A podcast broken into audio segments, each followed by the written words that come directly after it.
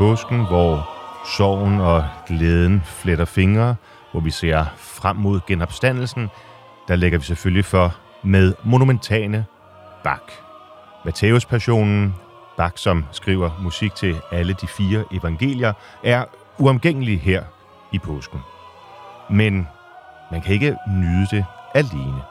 Og derfor er jeg utrolig glad for at have øh, fået besøg i studiet her i dag af Carsten Seier Hansen, som øh, udover at være lektor i klassisk korledelse ved det Jyske Musikkonservatorium, også er kapelmester for Københavns Drengekor. Hjertelig velkommen. Tusind tak skal du have, Morten. Det er, øh, det er ikke Københavns Drengekor, vi hører her. Det er øh, The Choir of King's College. Men øh, det er ikke så længe siden, man rent faktisk kunne høre dit kor synge den her musik. Nej, faktisk i går i Aarhus og fredag i Fruekirke i København opførte Københavns Drengekor Matteus Passionen. Ja. Og det er jo en kæmpe, kæmpe rejse for en lille dreng i 5., 6., 7. klasse at være på. Altså, vi får præsenteret de her noder, tre timers musik, og det er øh, et mesterværk på størrelse med Mona Lisa, hvis man skulle sammenligne det med et maleri. Ja. Og så begynder vi i januar måned at sidde og kratte lidt i, i malingen og finde ind til de dybere lag i musikken. Og lige så stille bliver den her øh, dej bagt op, som så kulminerer med, at man pludselig står altså over tre timer, og jo altså løber et veritabelt maratonløb. Ja. Hvordan, er, øh, hvordan, hvordan formidler man den slags musik? Fordi Bach er jo ikke, det er jo ikke let musik. Nej, det Hvordan er formidler man musik, det til men, børn i den alder? Men, øh, men selve handlingen er for så vidt ganske nem at identificere sig med. Ja. Altså det handler jo i bund og grund om et menneske, der har tillid til sine omgivelser. Den tillid bliver svigtet, og han bliver mobbet øh, til døde. Ja. Så, så sige. så det er noget, de kan forholde Det sig kan man til? sagtens forholde sig til som, som, som 12-årig. Og jeg gør virkelig meget ud af, i, mens vi arbejder med stykket. Altså selvfølgelig er der rigtig, rigtig mange detaljer, man skal kende, men for mig er det klart vigtigste, at de relativt tidligt får en fornemmelse af, hvad det er for en helhed, øh, vi arbejder i, mm. så, så de hele tiden forstår, hvor vi er på vej hen. Ja. Og jeg stiller de samme spørgsmål øh, 100 gange i løbet af sådan et forår. Hvad sker der nu? Hvorfor siger han sådan her? Hvad sker der? Og sammenligner med alle mulige ting, de kan relatere sig til, så det ikke, så det ikke kun øh, foregår i den her religiøse kontekst i år 36, eller hvornår vi nu er henne, men altså også kan få en form for øh, opdateret liv i deres egne, i deres egne hoveder. Så, så det giver mening for øh, børn i den alder, øh, en 12, hvad er de? Ja, 12-13 år. 14 år, ja. De kan godt forholde sig til dels passionshistorien, men, men også Bachs musik, og det skulle synge på et sprog, de vel kun i et begrænset omfang har kendskab til, tysk. det giver forbavsende god mening, altså, og det, det er jo nok det, rigtig god kunst kan, altså transcendere øh, flere århundreder, så det taler til os som om, at det var skrevet i går morges, og nu står vi og, nu står vi og, og, og opfører det. Men selvfølgelig er der mange, der er mange øh, svinkeærner undervejs, og der er jo også nedture for en dreng, der, der tænker, ej, jeg får aldrig lært det her. Men, men, øh, men sådan en, et drengekor er jo også en organisme, af, af mange, mange forskellige kompetencer. Så sidder der et par tyske drenge i koret, som elsker at blive brugt som konsulenter. Mm-hmm. når På noget- udtale. Ja, ja, og Ja. ja. der er en masse ord, vi ikke som en, som en moderne tysk dreng heller ikke kender. Så jeg kan, jeg kan så hjælpe ham med, med at forstå nogle gamle tyske ord. Og og det er det, vi skal prøve at dykke ned i her den næste lille time i øh, påsken, i Bach, men også i den musik, som kom efter Bach. Og det gør vi altså med udgangspunkt i Københavns Drengekor og dig som leder koret, Carsten Seier Hansen. Velkommen til. tak.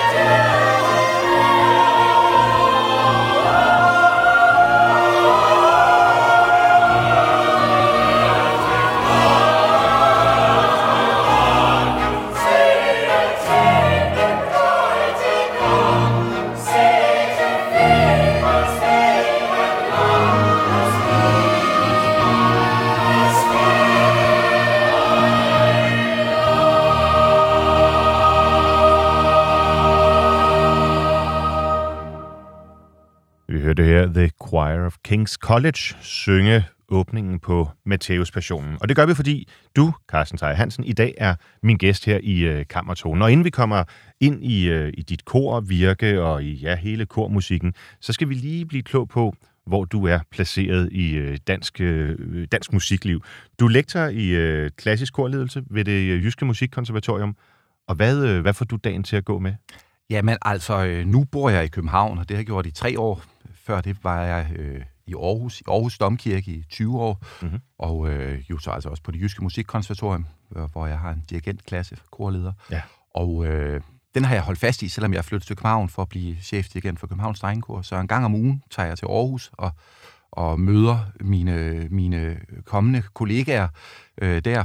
Vi har en dirigentklasse, som er vældig ambitiøs, mm-hmm. og mhm. som, som arbejder med ja, arbejder med den store musik og kommer... Og, og det er kordirektion, eller det er, det er også orkesterdirektion, eller hvordan også, distinguerer man? har også ensemble-direktion, men ja. det, er, de, det er målrettet korledelse, ja. ja. en kandidat- og solistuddannelse, så altså de, de sidste niveauer på, på sådan konservatoriet. Hvor mange, hvor mange øh, kordirigenter kommer der sådan ud af konservatoriet på en god årgang? Altså på en god årgang kommer der to ud. Okay. Og på en, øh, på en almindelig årgang kommer der en ud. Aha. Øh, så det er, det er på det lav, og ja. det, man kan sige, at vi har kørt den uddannelse nu i i godt og vel 10 år.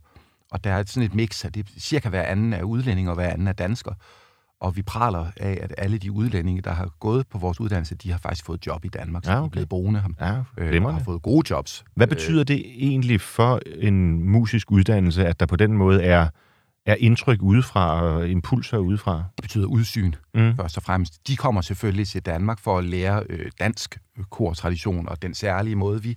Øh, måske øh, vi bilder os ind, at vi har en fleksibel måde at arbejde med instrumentet på, men de bidrager jo selvfølgelig også med en masse, de har jo alle sammen en uddannelse bag sig, i hvert fald en bacheloruddannelse, når de kommer, så der kommer jo også en masse inputs fra, fra andre måder at tilrettelægge hvad, hvad, hvad betyder det at have en fleksibel måde at arbejde med instrumentet? Altså, st- instrumentet er stemmen, ikke? Instrumentet er stemmen, ja. og det er jo i sagens natur et meget levende instrument. Mm-hmm. Øh, det, det, øh, vi arbejder, synes jeg, på en måde, hvor, hvor, øh, hvor den enkelte øh, dirigents input får lov til at have stor indflydelse på, hvordan instrumentet øh, lyder, hvor man kan sige, at i visse andre skoler vil man være meget mere øh, fundamentalistisk i, at der er en måde at gøre det på. Nemlig en rigtig min. klang. Det er min, og det er lærerens måde at gøre det ja, på. Ja. Øh, og øh, der, der, der bilder jeg mig ind, at vi, Søren K. Hansen og jeg, som, som, som driver uddannelsen der, øh, prøver at holde os virkelig åbne for, hvordan, hvordan den enkelte øh, studerende kommer med.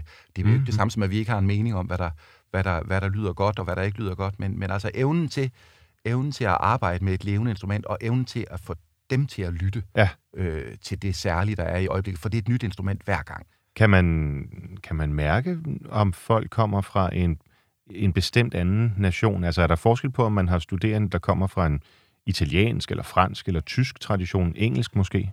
Der, er jo, der kan være en, en, øh, en forskel i, hvordan man opfatter øh, lærerrollen. Ikke også? Altså, okay, så det er jo, det øh, didaktiske? Ja, altså hvor man, hvor man øh, i visse traditioner jo er vant til en meget, meget, meget øh, stærk autoritet, og, og læreren skal fortælle mig, hvad jeg skal gøre, og så gør jeg, hvad jeg kan for at gøre det. Leve op til det, ja. ja, ja. Øh, og jeg håber da, at vi er faglige autoriteter, altså var vi der formentlig ikke, men, men, men, men, men jeg vil langt hellere øh, se, se nogle ting vokse ud af, af, af den naturlige musikalitet, ja. som den enkelte studerende besidder. Ja.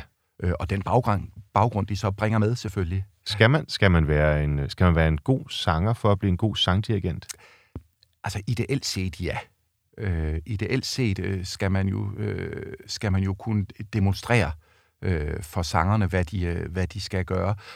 Det er jo ikke det samme som, at man ikke kan dirigere et kor af sanger, der synger bedre end en selv fordi at, øh, ellers... Sådan skulle det jo helst være, altså, så skulle man stå på den anden side. Det er vældig taknemmelig for, må jeg sige. øh, fordi at, selvfølgelig kan man det, men man skal jo have en fornemmelse for, hvordan instrumentet virker, ja. og hvor meget det kan holde til, og hvornår det lyder bedst, og hvordan man, øh, hvordan man ligesom hjælper. Det er jo en krop, der skal arbejde, ikke også? Og, og i et kor, der er det endda et, et, et antal kroppe, der skal synkroniseres. Ja. Altså, når vi laver Matteus-passionen her, jeg lavede det i går, så står der jo altså langt over 100 sanger, øh, som øh, ideelt set jo trækker vejret fuldstændig synkront. Mm. Og øh, gør det, når man gør det tre timer i træk, så bilder jeg med, at hjerteslaget også øh, begynder at blive synkront. Og der er rigtig mange ting, Så man bliver ligesom til, falder. til nærmest et man bliver til en. Ja, ja, ja. ja. Øh, Noget af det, som øh, jeg kan huske, jeg har, når jeg, jeg har også sunget Bach og, og flere af de andre ting, som vi, skal, som vi skal høre i dag, og det glæder jeg mig rigtig meget til. Men Bach, synes jeg, godt kan være en ret nådesløst komponist for sangerne. Altså, det er ligesom om, at han nærmest betragter den menneskelige stemme som en traplæser, ja. øh, der bare kan blive ved og ved, og du siger selv, ja. tre timer. Ja. Ja. Øhm, hvad, hvad gør man for øh, at forberede folk på den oplevelse? Man gør jo først og fremmest det, at man jeg tilstræber virkelig, at øh, selvfølgelig er det sanger, og selvfølgelig synger vi, men det er tekst, vi synger. Så det er, det er en form for tale, der er omsat i musik. Ja. Og, øh, så hvis idealet er, at man skal, man skal stå igennem det, som var det en Wagner-opera, med den stamina i stemmen hele vejen, så bliver det vanvittigt hårdt ja. at, synge, øh, at synge en passion, men det er faktisk heller ikke meningen. Så det er tekstborget? Det er meget tekstborget. Ah, okay. øh, og det, og øh, det er en, det, Bach er, selvom han kan blive øh, ret instrumental i sin måde at, at skrive stemmer på, og ja. nogle gange skal tenoren springe nogle sjove steder hen, for, ja. for at det hele går op, så har han selv hele tiden teksten foran sig. Så når man finder ind til den kerne, og finder det tempo, hvor teksten bliver båret naturligt, og finder den dynamik, hvor man ikke står og råber i munden på hinanden, mm. men, øh, men fremfører en tekst, så, øh, så, så, øh, så er det ikke så hårdt. Men det stiller jo især måske på det tyske sprog, eller også på dansk, men ret høje krav til for eksempel taktfornemmelse, altså hvis du skal synge jetzt, mm. Ja. Altså, så duer det jo ikke, at det lyder jetzt. Nej, præcis. Altså, den skal sidde rent. Den skal sidde rent, og ja. der skal jo være en, øh, det er jo derfor, vi skal være synkrone. Ja. Og det er derfor, jeg bruger så vældig meget tid på at, på at synkronisere. Og så kræver det musikere, som lever med i samme spillemåde. Og der har vi et fuldstændig fabelagtigt orkester ja. til de her sammensat af de bedste barokmusikere, vi kan ja. samle fra fra Danmark og Sverige og Tyskland. Og... Ja, for I, du, I har lige lavet Matteus Passionen, ja. øhm, og det er jo det er jo op i tiden. Øh, ja. Det er påske. Ja. Øhm, hvordan finder man ud af, hvem der skal være med på sådan en produktion? Er det sådan, man slår ind i et katalog og siger, hvem er lige til rådighed i Aarhus og København på det her tidspunkt, eller hvad gør man? Altså, øh, orkestret øh, er jo en sag for sig. Der, der øh, kan jeg vældig, vældig godt lide at arbejde sammen med Peter Spiski, øh, som, som er fremragende øh, violinist. For man er, altså vores skæbner er vældig forbundet i sådan et forløb der. Altså, hvis ikke vi er enige, eller, mm. eller i hvert fald har lyst til at gå ned af hinandens, øh, hinandens øh, stier, ja, man skal være så, bliver, så bliver det et helvede, ja, sådan et ja, projekt. Ja, ja. Øh, så så der, det, det er et vigtigt udgangspunkt. Øh, når det så kommer til, hvem der skal, hvem sanger castet, så, øh, er jeg altid selv øh, vældig aktiv i det, fordi jeg, jeg elsker at sammensætte øh, folk, som jeg tænker vil lyde godt sammen. Og det betyder jo i perioder, at man måske øh, bruger de samme sanger, men jeg prøver også at, at lave, øh, at lave øh, ny, altså øh, blande det med nye folk og sætte folk ja. sammen, som man tænker, åh, oh, de vil, de og, vil og der er det stemmeklangen, du lytter efter? Det er stemmeklangen og evnen til at være øh, fleksibel, mm-hmm. evnen til at, at, at altså når det er med drengekor, så, så betyder det også noget for mig, at, at de solister, der står der, de har forståelse for, at det er et særligt instrument, øh, de solister sammen med nu her, som også kræver, øh, som kræver måske en lidt, en lidt anden øh, måde at øve på. Der er nogle overgange, der skal prøves flere gange. Til gengæld, så, øh, så får man jo glæden af, at vi står som de første. Ja. Altså, vi er fødselshjælpere til deres første Matteus passion. Øh, de drenge, der står der. Og mange vil forhåbentlig jo bære den musik med sig øh, resten af deres liv. Det føler Måske mig helt selv dirigere det, spille det, ja, synge ja. det, være solist i det. Øh, jeg har i løbet af de tre måneder, vi prøver, sunget de der evangelistpartier så mange gange for drengene, så når vi sidder til prøver, så, så sidder der et helt kor og synger de der evangelistpartier, fordi ja. de kan dem så godt, sådan så jeg kan vække dem om natten og synge den bid, og så ved de, ja, hvad det, der kommer bagefter. Det er fantastisk, og jeg, jeg kan med min egen spartanske øh, erfaring bekræfte det, fordi da jeg gik i gymnasiet, var jeg med til at lave Brahms Requiem, hvor jeg sang i koret øh, med Sjællands Symfoniorkester. Ja.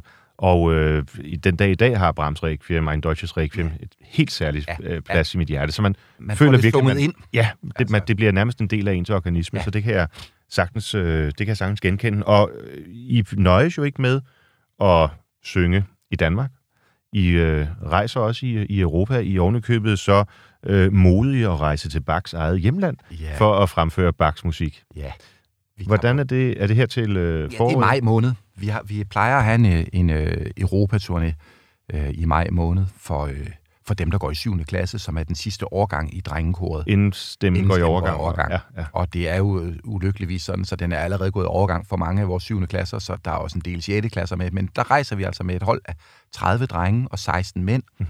mm-hmm. øh, og vi er typisk afsted 10 dage cirka. Mm-hmm. Og i år øh, har vi simpelthen taget en, øh, altså virkelig tager fagntag med, med tre af de store drengekor i Tyskland. Så vi, vi starter med at lave vores egen koncert i Pappenheim, nede i, i nærheden af Nürnberg.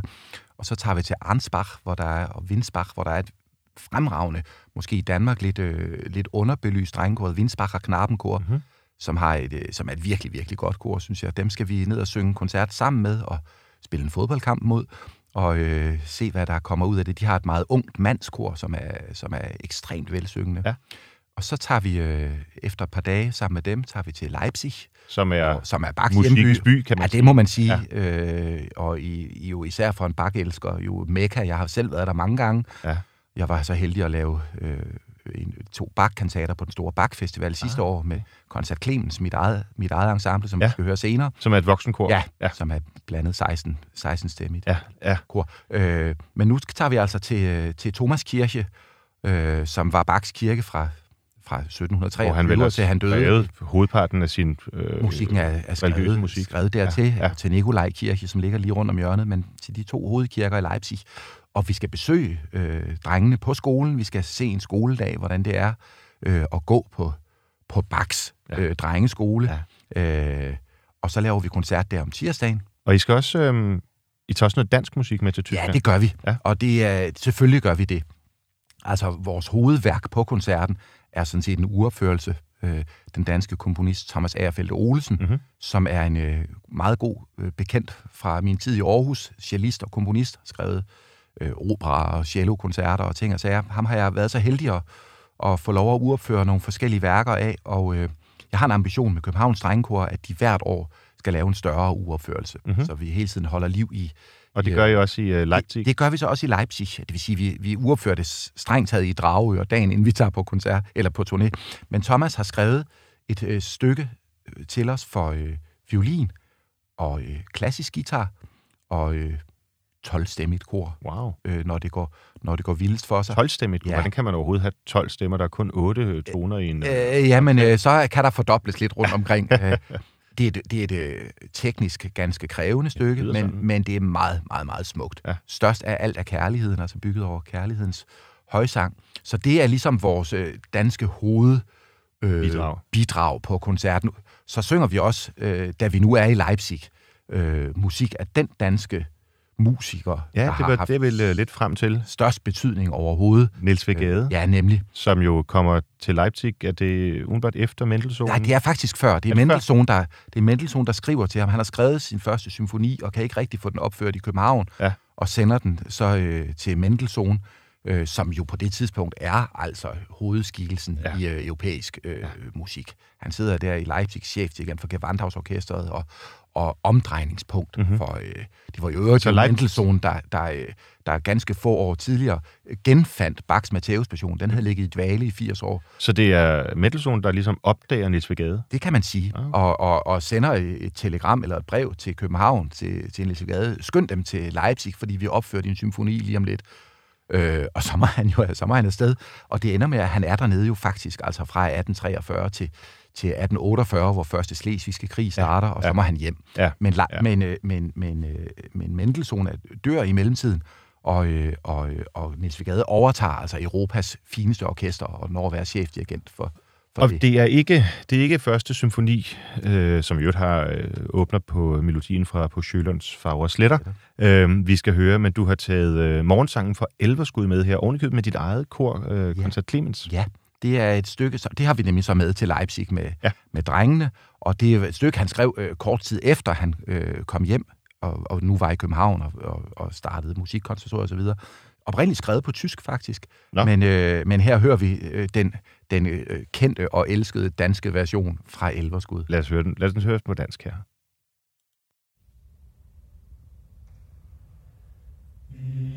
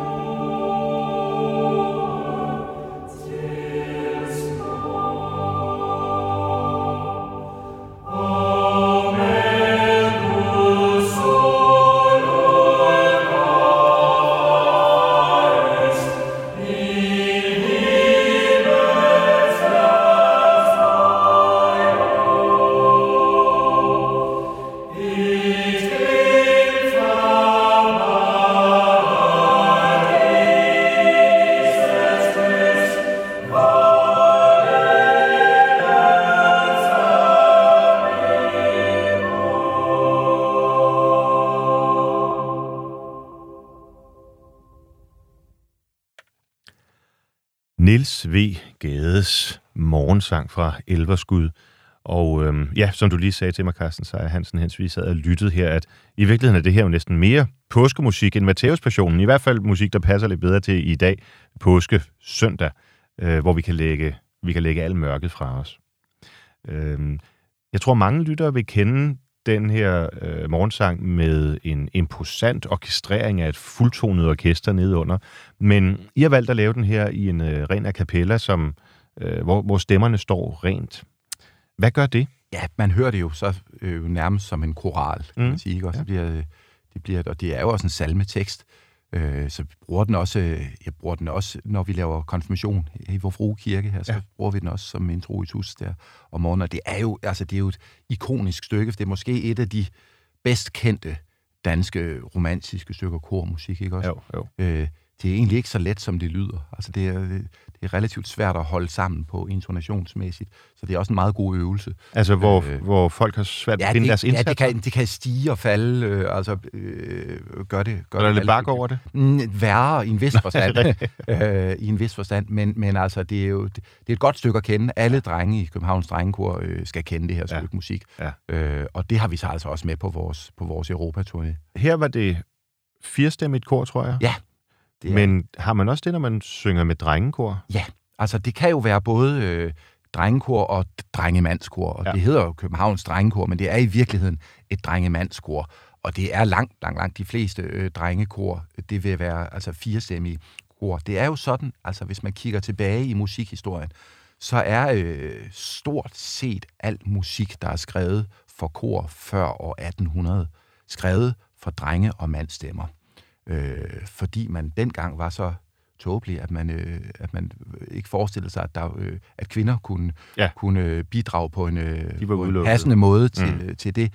det, det den, den vrangforestilling har man jo heldigvis ikke i dag, men, men øh, det er altså omvendt selvfølgelig interessant, når man så har ansvaret for sådan et instrument, at, at virkelig prøve at bære den tradition videre, og prøve at holde, at holde det liv, der er, fordi der er nogle ting i nogle af de her værker, som ligger helt vanvittigt godt for, for drengekor. Nu ikke lige tænker jeg så meget på morgensang i Elveskud, Mm. men, men Matteus passionen mm. før. Øhm, så det giver vældig, vældig god mening at, øh, at blive ved, selvom det er jo en, øh, det er jo en kamp op ad bakke, ikke? Også en, en, et kapløb med tiden hele tiden. Hver gang man har sat en dreng i gang, så, øh, Ja, det så har man også... man øh, ved, at der, der, der, er en, der er en udløbsdato, og nogle gange kommer den altså før man, før man regner med. Ja, og vel kan jeg forstå øh, faktisk tidligere og tidligere end bare for 10-20 år Altså, siden. i den grad. Ja. Altså, hvis vi nu tager udgangspunkt i Bach, så var hans sopraner mellem 17 og 18 år, Wow. øh, og gik så i overgang. Haydn pralede med, at han gik i overgang som 21-årig.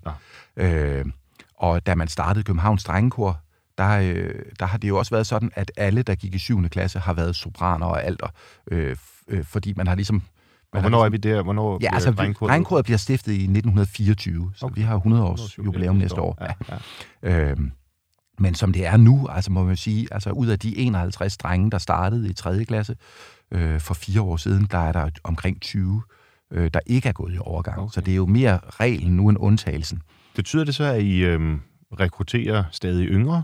Det, det betyder i hvert fald, at vi er nødt til at tænke over, at, at, at vi skal gøre sådan. Altså, Ja. ja. vi, øh, vi startede sidste år et øh, meget herligt initiativ, øh, synes jeg selv, som sommerskole, hvor vi øh, inviterede drenge, der, der skal starte i 0., 1., 2. klasse, Okay, så efter sommerferien, Ja. øh, ind på, sådan ligesom, der, ligesom man kan gå til fodbold øh, sommercamp, så kunne man Ja. også komme på kor sommercamp. Ja. Øh, så har jeg nogle øh, fremragende sangpædagoger til at tage sig af de, de små drenge, og jeg har så selv taget en, et, et hold på 8-10, 6. 7. klasses drenge med, som, som jeg sådan set underviser i at dirigere, og undervise i at akkompagnere en fællessang, og undervise i, og så går de ned og, øh, og er øh, mentorer for, for de små drenge, og så ender vi efter tre dage med faktisk at kunne lave en meget fin koncert, hvor øh, nogle af mine store drenge sidder og spiller klaver, eller dirigerer og spiller cello, og hvad de nu, hvad de nu gør, synger med, hjælper, hjælper de små, og de små drenge står og laver musik, som de aldrig havde forestillet sig, at de skulle, øh, at de skulle kunne få op at stå på. Er det, er det sådan noget, der typisk følger dem hele livet, eller, øh, eller hvordan, det, hvordan? Det, når man har gået, sunget i Københavns Drengekor, så følger det jo en på godt og ondt Ja. ja. hele livet, for det, det er så massivt. Det Øh, fylder øh, meget i- Det gør det. ja. Ja. Altså i, i de uger, hvor vi har... Altså i den her uge ses jeg jo øh, 4-5 timer med drengene om dagen, stort set, ikke også? Så det Sådan, sådan går- uge, som vi havde her op og faktisk også ud over deres skolegang. Og, Jamen altså, det er jo en del af deres skolegang, når man går på Sankt Anne. Det er jo simpelthen ind, indlagt i, øh, i skole, altså at vi råder over noget, noget ekstra tid. Ja. Og, og når vi havde generalprøve torsdag aften, hvor vi var færdige lidt i 10 om aftenen, og de havde løbet et maratonløb, så får de fri for skole fredag. ja. Så de kan være øh, veludvilede og Ja. klar til, til fredag aften, fordi det, det, er jo, det er jo mennesker, og det er endda små mennesker, øh, og de er ekstremt øh, hårdføre, synes jeg. Altså, de, Mm. er virkelig, de er virkelig øh, stærke. Jeg kan i hvert fald sige som, øh, som gammel student fra Sankt Anne Gymnasium, at der er en helt særlig aura, en helt særlig respekt øh, omkring øh, drengekoret øh, på, øh, på gymnasiet. Jeg, jeg gik der kun i de tre gymnasieår, øh, men, øh, men man kan godt mærke, at det, det er lidt af, af livsnerven. man kan sige, at skolen er jo bygget øh, til drengekoret i sin tid, ikke Mm. Og så lavede man et gymnasie, fordi man ville gerne fastholde de unge mænd. Øh, og så blev det også for piger, og, så, og nu er der jo en, en bred, bred, bred vifte af fremragende ensembler på skolen. Mm. Big band og gymnasiekor, og Ja, meget, meget, meget godt pigekor. Præ- ja, der, præcis. så, der, så der foregår jo heldigvis mange andre ting, men, det, men stadigvæk øh, opfatter vi jo i hvert fald i drengekoret os selv som en, øh, som et, øh, Som kerne. ganske væsentlig del ja. af, af begrundelsen for at have sådan en skole der. Det tror jeg, at der vil være, der vil være bred anerkendelse af i, øh, i, øh, ja, på skolen. Du, øh, Karsten Hansen, har jo så i dag dit, kan man vel godt sige, primære virke i København og Valby og Ja. omegn. Ja. Men har øh, i mange år også virket i, øh, i Aarhus Domkirke. Ja. Øh, og øh, ja, du skal næsten have lov til selv at, at præsentere eller introducere, øh, fordi du har foreslået, at vi hører noget af Dyrifles Requiem. Ja. Øh, som øh, på mange måder er lidt et, et interessant stykke musik, blandt andet fordi det er skrevet meget tidligt i hans virksomhed. Mm. Normalt skriver man jo en dødsmesse, sådan, når man nærmer sig efteråret i ja, livet. ja, ja, Men det er skrevet meget tidligt. Øhm, men du har en helt særlig øh, forbindelse til det her øh, stykke musik og Aarhus øh, Domkirke. Altså, øh, man kan sige, Fore, eller Dyrflæs Requiem er øh, et stykke... Jeg har som kirkemusiker arbejdet sammen med øh, tre fremragende domorganister forløbig. Først Anders Riber, øh, som var en legendarisk domorganist i Aarhus, og så siden kom den meget unge Christian Krogsø, og nu er, øh, arbejder jeg sammen med Hanne Kuhlmann i Københavns Domkirke. Og med alle tre øh, organister har jeg øh, lavet øh, Dyrflæs Requiem, for ja. det er en vanvittig krævende orgelstemme. Øh, og det er heller ikke nemt for koret. Nej. Det er et, øh, et, øh, et, et enestående godt værk, og det er et fantastisk værk til sådan en, øh, en kollegial teambuilding. Øh, fordi at organisten er virkelig på arbejde, dirigenten er på arbejde, og det er en, det er en, det er en opgave, der, der, skal, der, skal, der skal løses. Og inden vi hører øh, introitus, så lige et par ord om Dyrifle. Altså, vi er i, vi er i Vi Frankrig. er i Frankrig. Så det er en helt anden måde at skrive på, end det vi hører med Bach og det tyske, Ja. den systematik. Ja, altså Bachs, Bach øh, musik er jo øh, båret af salmemelodier. Der er jo koral, altså salmemelodier, Ja. der går igen hele vejen igennem. Og Dyreflés øh, kirkemusik, den er katolsk. Øh, og den bygger altså på, på de gamle gregorianske, øh, det man populært vil kalde munkesang. Mhm. Øh, så, så han tager altså udgangspunkt i urgamle melodiske øh, strukturer. Og så øh, er, var han selv en, altså en enestående organist. Og det, man kan høre i han, den orgelstemme, det er, at der er noget øh, vældig lejende over hans måde at skrive, for det er som sad han og improviseret en meget kompleks orgelstemme til de her, øh, til de her melodier, som også er sat i en ret kunstfærdig sats. Og, vi er, og hvor er vi i tid? Altså, Bach kan dø omkring 1750. Det her, det er noget... med- Ja, vi er oppe i 1900-tallet her. ja, så, så vi er i en nærmest moderne Ja, det er vi. musik. Vi er i en moderne... Øh, og sproget her er... Øh, der er, nogle, øh, der er nogle moderne klange, men det er klart, at det, når melodierne er 800-900 år gamle, ældre end da, og tilslæbet af alle de års brug, så, så får det jo også noget ophøjet roligt over sig, samtidig med, at, øh, at der, foregår, der foregår virkelig meget.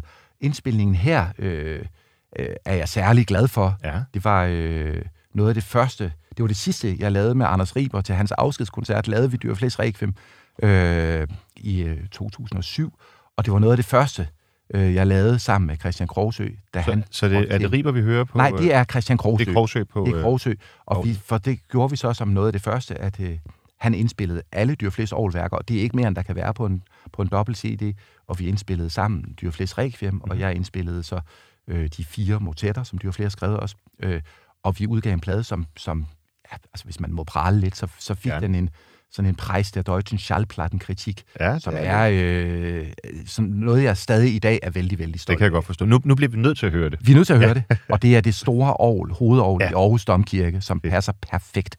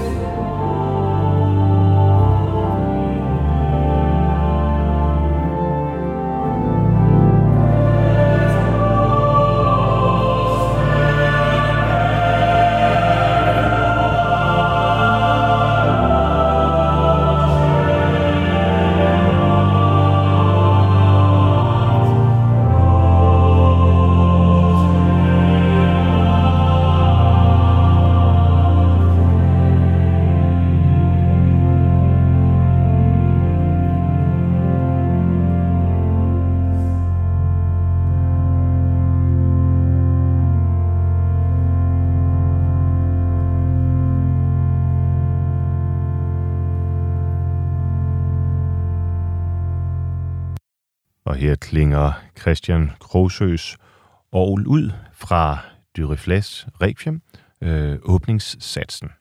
Og øh, ja, nu har vi kun lige hørt en lille del af det her, Carsten Thayer Hansen, men øh, tillykke med og velfortjent med Preis Deutschen Schallplattenkritik. Det er godt nok lækkert. Ja, det var dejligt. Ja, Det var en god dag. øh, jamen, og det vi hører her, altså man hører jo mørket i mandstemmerne, ikke også, ja. med den gregorianske hymne, øh, den urgamle melodi. Mhm. Mm-hmm. Men så ovenover hører man de her øh, sopran altstemmer, som svæver jo, hvor man jo allerede mærker det evige lys, fordi det er jo en rejse fra mørket mod lyset. Ja, man er ikke i tvivl om, at, at, at, at øh, man rækker tilbage i tiden mm. For at finde den der gregorianske klang.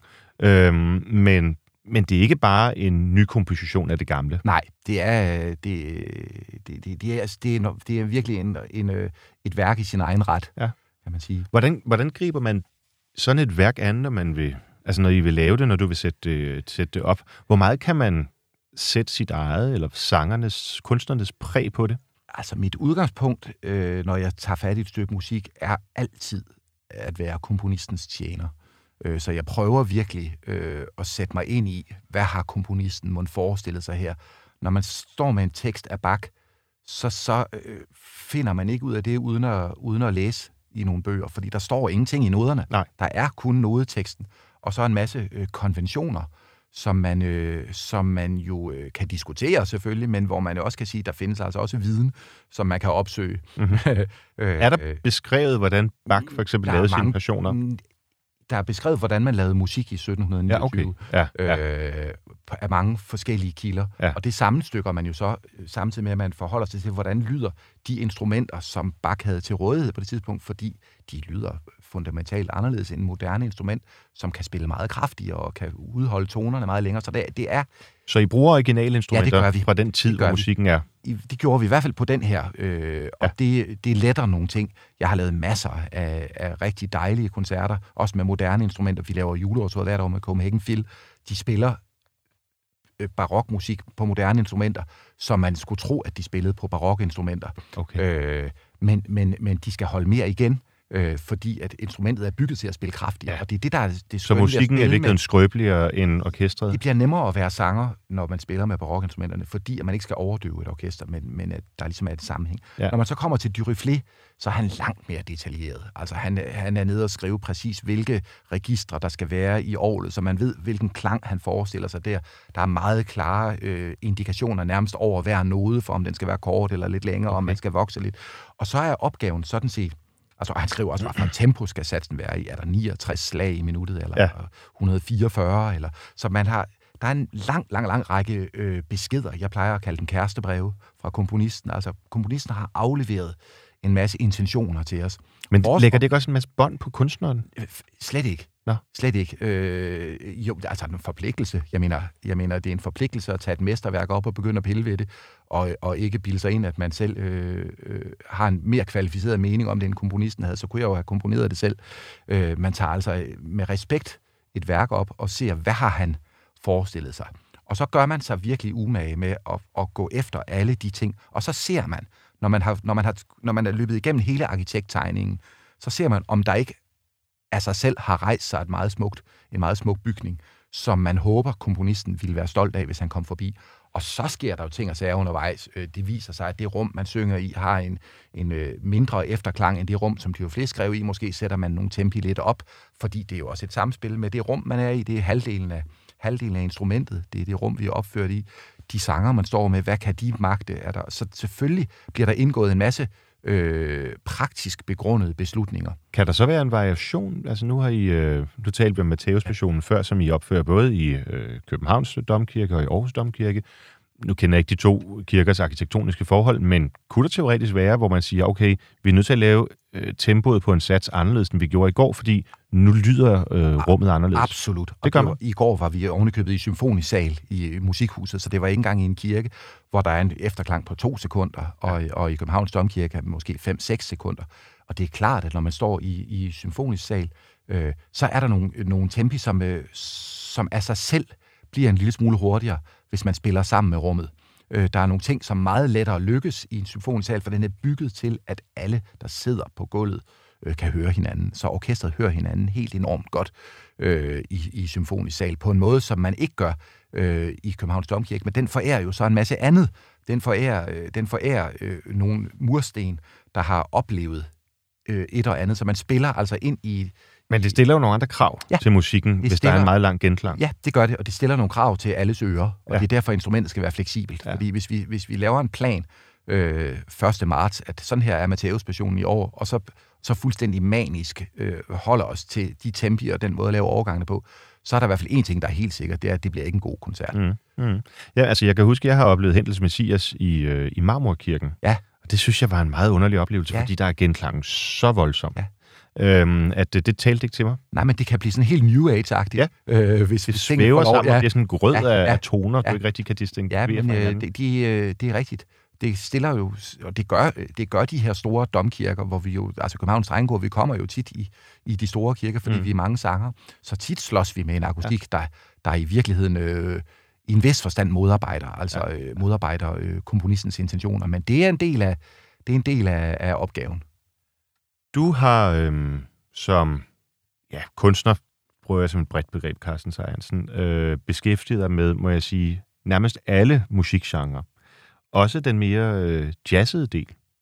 Øhm, og øh, vi skal øh, komme lidt ind i øh, Jakob Buchanans øh, ja. verden. Ja. Men prøv lige at sige, hvor, hvor, hvor kommer det fra? Altså, øh, øh det springet fra øh, Niels V. Gade, Bach, Duriflé, ja. og så til Buchanan. Ja, det er ikke så stort.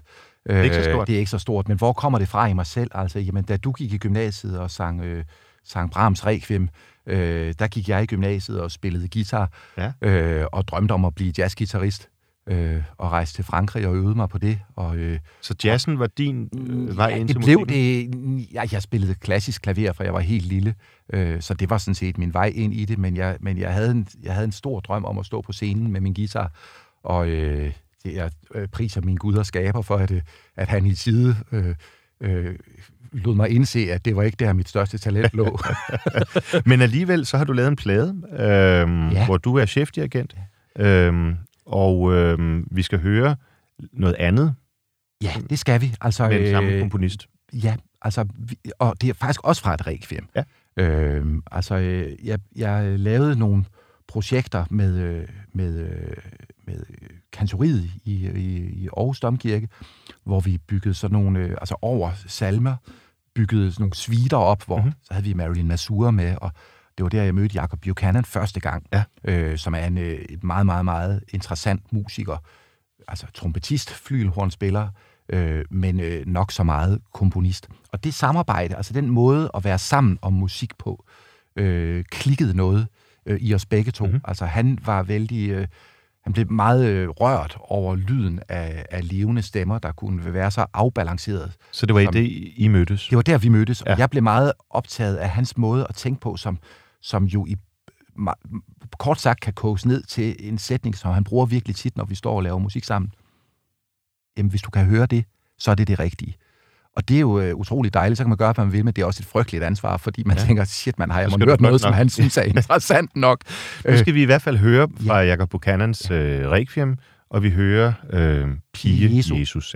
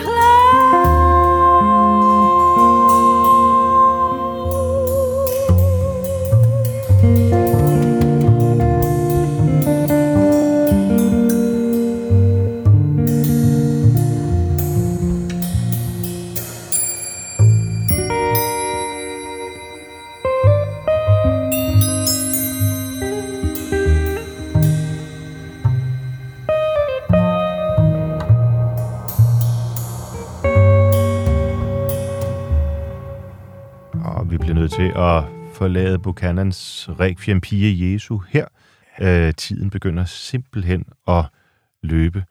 Øh, men Carsten Sejersen, jeg kan ikke lade være med lige at skulle spørge. Du sagde lige før øh, sådan henkastet, at der er ikke så langt fra bak til det her. Nej, men altså, da vi, øh, da, jeg vil næsten sige, da Jakob og jeg skrev det her Requiem, fordi det er jo Jakob, der har skrevet det, men vi mødtes om ikke ugenligt, så i hvert fald øh, regelmæssigt i et helt år, ja. hvor jeg præsenterede ham for alle mulige klassiske. Vi lyttede meget på Dyrflæs Requiem, øh, prøvede at analysere på det. Vi lyttede meget på Britain's War Requiem. Ja. Øh, vi lyttede på forskellige Requiem-messer, og ud ekstraherede satsteknikker sådan set fra det. Og det kan man jo ikke direkte høre her, men det kan man, når man har fuldt processen, så kan man mærke, at det klinger med. Alligevel, nu hørte vi den eneste sats, hvor der ikke er kor ja. i Requiem her, så er der kor og fuldt big band. Okay. Øh, og det blev jo ligesom, øh, det var det første projekt, jeg lavede med Aarhus Jazz Orchestra, som er Aarhus' professionelle big band. Vi har fået lov at lave rigtig mange projekter sammen siden, og faktisk den første plade, jeg udgiver med Københavns Drengekor som chefdirigent, kommer til vores koncert Sankt Hans Aften i Tivoli, mm-hmm. hvor, øh, hvor vi ikke skal opføre det værk, men det er, det er også en bestilling fra Jacob Buchanan, Song and Wind, som ja. vi optog øh, på Vinterjazz sidste år. Så, så min første plade bliver faktisk sådan et, i det der krydsfelt, hvor drengene jo synger med deres klassiske stemmer og fuldstændig rene satser, men hvor Marilyn Masur også er med. Og, så en, øh, en blanding af ja. jazzen, den moderne... Ja, ja. moderne kompositionsmusik vil jeg bare kalde det. Ja, ja. Simpelthen, fordi det, der, er, der, er der er ligesom åbent i begge ender, synes jeg. Og måske er det en meget god afrunding i forhold til, at al musik på en eller anden måde står i gæld til hinanden. Ja. Altså, jeg sidder og lytter til de gamle, klassiske requiemer for at skrive det her moderne. Ja. Så lad os slutte af med der, hvor det hele begynder. Ja. Øhm, du har valgt øh, som det sidste stykke musik her, som du også selv har dirigeret og, og indspillet, øh, Clement Jenkins, Le Chant des Oiseaux, altså Fuglenes Sang. Ja. Og der er vi jo, altså det, det, det er jo helt før bak. Og ja, der er vi tilbage i 1500-tallet, og det er ekstremt malerisk musik. Ja. Det, sangeren hedder chanson, og det er, den handler om den første dag i maj, hvor alting vågner, og fuglene piper, og man kan høre øh, alverdens forskellige øh, fugle. Nu ved jeg ikke, hvor meget vi når at høre det, men det bliver vildere og vildere. Mm. Og menneskestemmen står så og efterligner det her festfyrværkeri af liv, som vågner den første dag i maj i Paris. Og øh, på en eller anden måde, så er det jo forår nu, fordi det er påske, døden er overvundet, og vi kan se øh, fremad med fortrøstning. Så lad os øh, lad det være de sidste ord, og så lytte her til Jean Cans Le Chant de Soiseau. Og tusind tak, fordi du vil være med. Tak.